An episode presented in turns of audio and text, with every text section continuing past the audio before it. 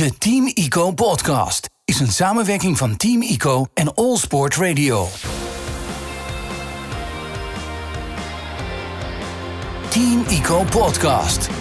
trainen, wedstrijden rijden, data, analyseren. Al dit soort dingen zijn ontzettend belangrijk als je als schaatser steeds dichter bij dat ultieme doel wil komen. In de Team Ico podcast ontdek je wat er eigenlijk allemaal bij komt kijken. Hoe ziet het dieet van iemand als Joy Beunen er bijvoorbeeld uit? Welke trainingsdata wordt er geanalyseerd en hoe leidt dat tot betere prestaties? En hoe bereidt Bart Swink zich eigenlijk voor op een WK Maastart? In deze twaalfdelige podcastserie nemen we je mee achter de schermen bij Team ICO en krijg je een uniek inzicht in hoe de wereld van de schaatsers, coaches en begeleidingsstaf werkt. Welkom bij de Team ICO podcast. Team ICO podcast. In deze tweede aflevering van de Team ICO podcast gaan we het hebben over sprinten. Hoe verschilt een sprinter van een allrounder? Wat maakt een sprint een goede sprint? En hoe kijkt men binnen een team naar deze discipline?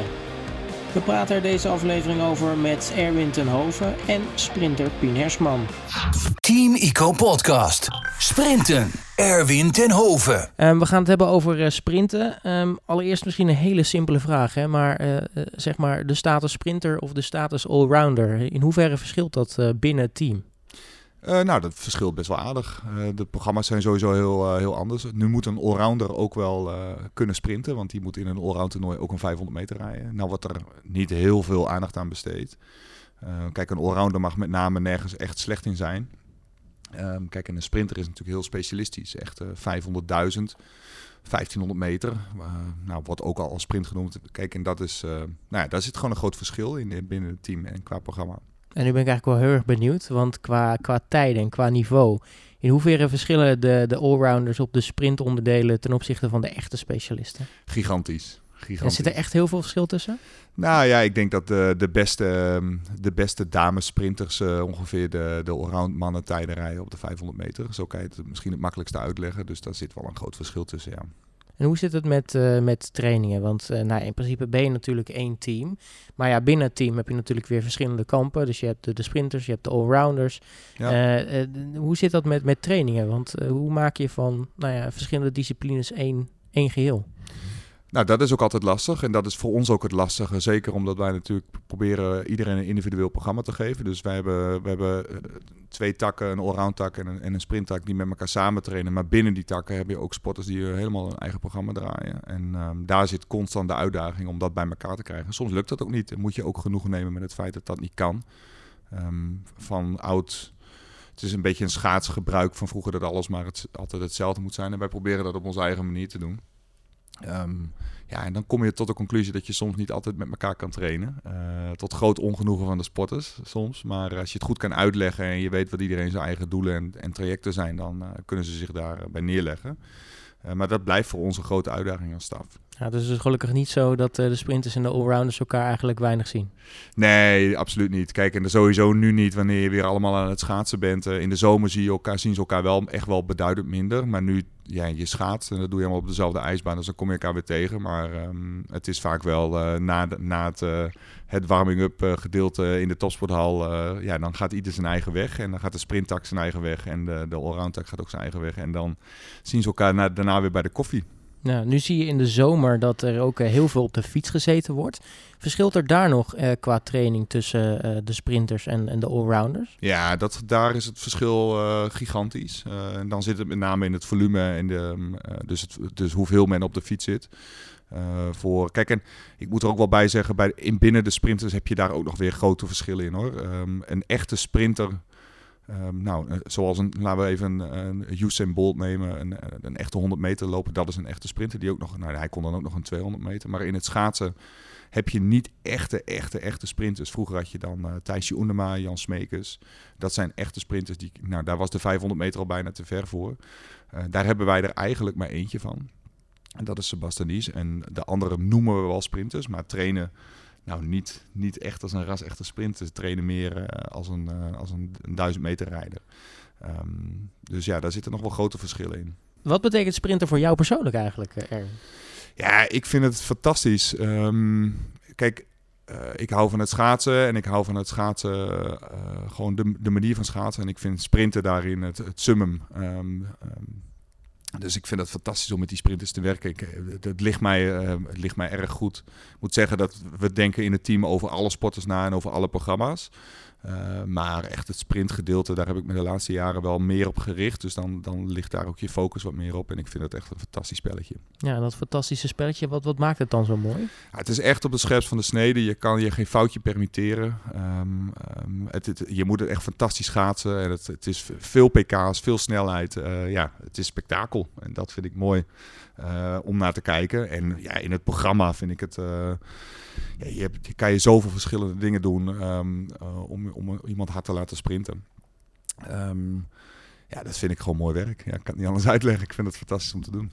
Nu is deze week het, het EK afstanden. Waar moet je als kijker nou echt op letten als we straks die 500 meter gaan, gaan aanschouwen? Uh, nou, de opening uh, wordt mede bepalend, um, of is eigenlijk altijd heel bepalend. Ik denk uh, dat het niveau um, zeker mondiaal nu zo hoog ligt dat als jij niet onder de 9-7 opent, dan kan je eigenlijk beter gelijk linksaf de inrijbaan in. Um, dus uh, ja, dat is echt bepalend. Je ziet ook um, die laatste binnenbochten worden ook de mensen, dus en Jordan Stoltz, die kunnen zulke fenomenale, bocht, fenomenale bochten rijden. Lijnen, ingang. Maar, waardoor ze met heel veel snelheid, meer snelheid dan anderen uh, uit, uit, die laatste uit die laatste bocht komen. Ja, dat maakt en breekt wel je 500 meter. Ook toen Michel Mulder hier het baanrecord reed. Ja, weet je, dan, die, hij, kwam de, hij had een fantastische opening, kwam met meer snelheid uit de eerste bocht en reed een fantastische laatste bocht. Ja, en dan, dan, dan, dan rij een baanrecord, zeg maar. Zo, ja. simpel, zo simpel kan het zijn. nu noem je al bijvoorbeeld hè, twee dingen. Je hebt de start en natuurlijk die, die laatste bocht. Als we eerst even snel kijken naar die start. Hè. Wat maakt een start nou een ontzettend goede start? Welke facetten komen daarbij kijken? Ja, dat is heel ingewikkeld. Want je, eh, je, wil, um, uh, het, eh, je wil rennen, je wil, je wil snel bewegen, maar je moet ze ook raken. Um, dus je wil niet naar achter afzetten. En het moet heel langzaam van het rennen naar het schaatsen gaan. Uh, ja, dat is zo timinggevoelig. Uh, belangrijk dat je voorover valt, je gewicht meeneemt, maar niet op je punten komt. Um, het is bijna niet uit te leggen zo even. Op, op het, antwoord op deze vraag is zo complex dat het bijna niet zo even snel is uit te leggen. Maar dat spel en ook als schaatser, als, je, als jij een goede start hebt, dus je valt precies uh, met je gewicht en je kan, bent nog net elke keer met je voeten eronder zetten en op zo'n manier dat je ook je gewicht nog naar voren kan verplaatsen. Ja, dat gevoel is fantastisch. En sporters weten dat ook en die voelen dat maar een paar keer dat ze echt denken, oké, dit was ook echt een goede start. Um, 9 van de 10 keer is er altijd wel wat op aan te merken. Uh, maar ja dat, uh, ja, dat is het spel van het starten. En ja, wat maakt een goede start? Nou, al die facetten bij elkaar. Houding zitten, nou wat ik net zei. bijna niet te vangen in één antwoord. Ja, en dan heb je natuurlijk nog die, die laatste bocht, ook die is cruciaal. Ja. Vooral omdat je natuurlijk met heel veel snelheid inkomt. Je wil zoveel mogelijk snelheid bewaren en dan natuurlijk uitsprinten tot aan de finish. Mm -hmm. Maar iedereen weet, als je bijvoorbeeld in een auto zit en je neemt een bochtje uh, met 50 km per uur of 90 km per uur. En er is natuurlijk zoiets als uh, middelpunt vliegende kracht. Mm -hmm. je, wordt, je, je lichaamsgewicht, alles wil natuurlijk naar buiten toe. Ja. Wat is nou het geheim achter zo'n ontzettend goede, snelle bocht... dat je dus inderdaad, zoals een Michel Mulder, zo'n baanrecord kan rijden?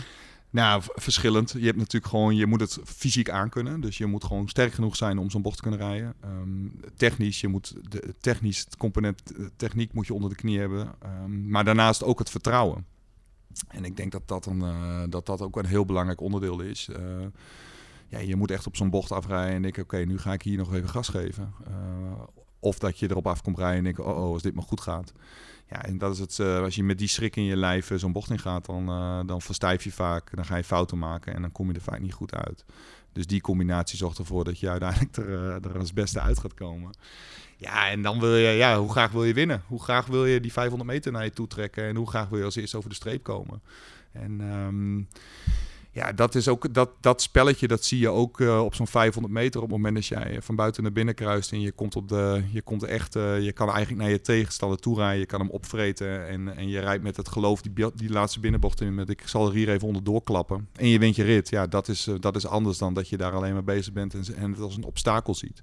Dus dat mentale spel, dat moet je als 500 meter rijden echt onder de knie hebben. Um, ja, dat, gaat, dat maakt het verschil. En alles eh, bij elkaar opgeteld maakt eh, hopelijk een hele goede 500 meter. Eh, Erwin ten Hoven, mag ik je hartelijk danken voor deze eh, prachtige inkijk in het wereldje van sprinten. En eh, spreek je natuurlijk de volgende podcast weer. Team Ico Podcast. Pien Hersman. Pien, welkom in de podcast. Dankjewel. En we gaan het hebben over eh, sprinten. Jij bent sprinter. Waarom nou het sprinten eigenlijk? Ja, ik vind het gewoon het allermooiste wat er is. Zo hard door de bocht en eh, alles moet gewoon kloppen om hard te schaatsen.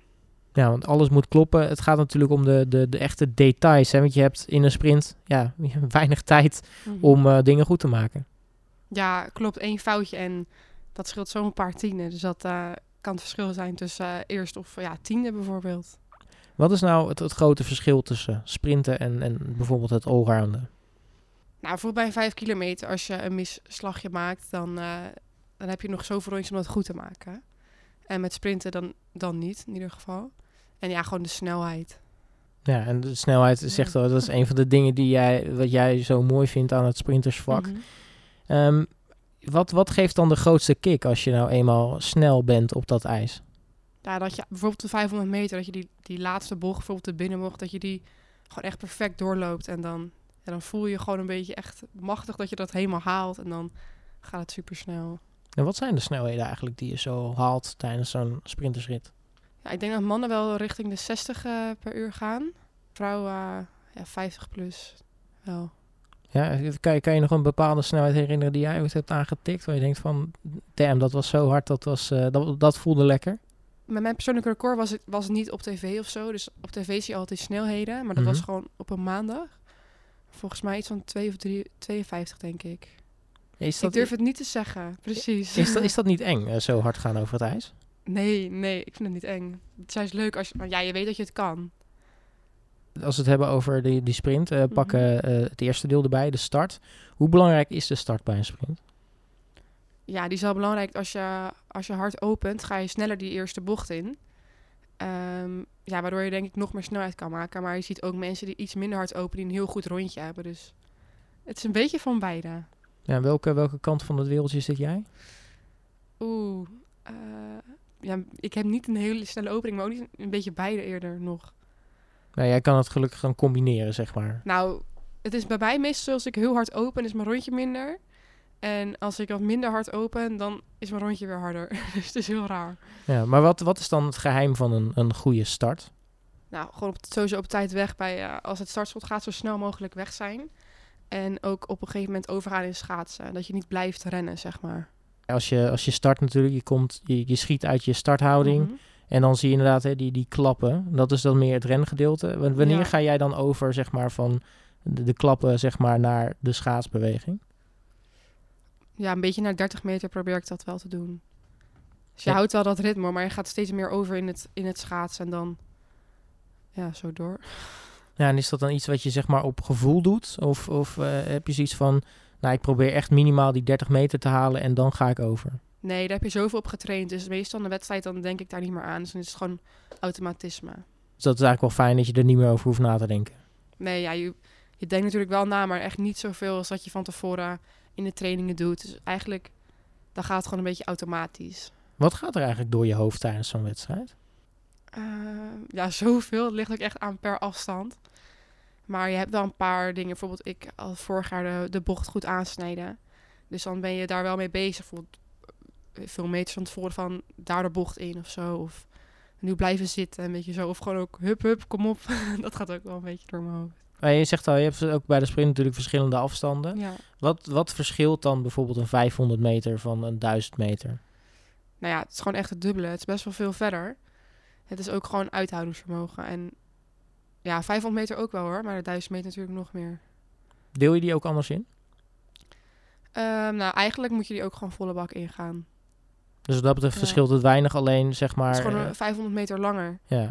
En dan, eh, nou, het is dan 200 meter openen en dan een rondje. En dan is het eigenlijk nog een rondje. Ja, dat vind ik wel overleven.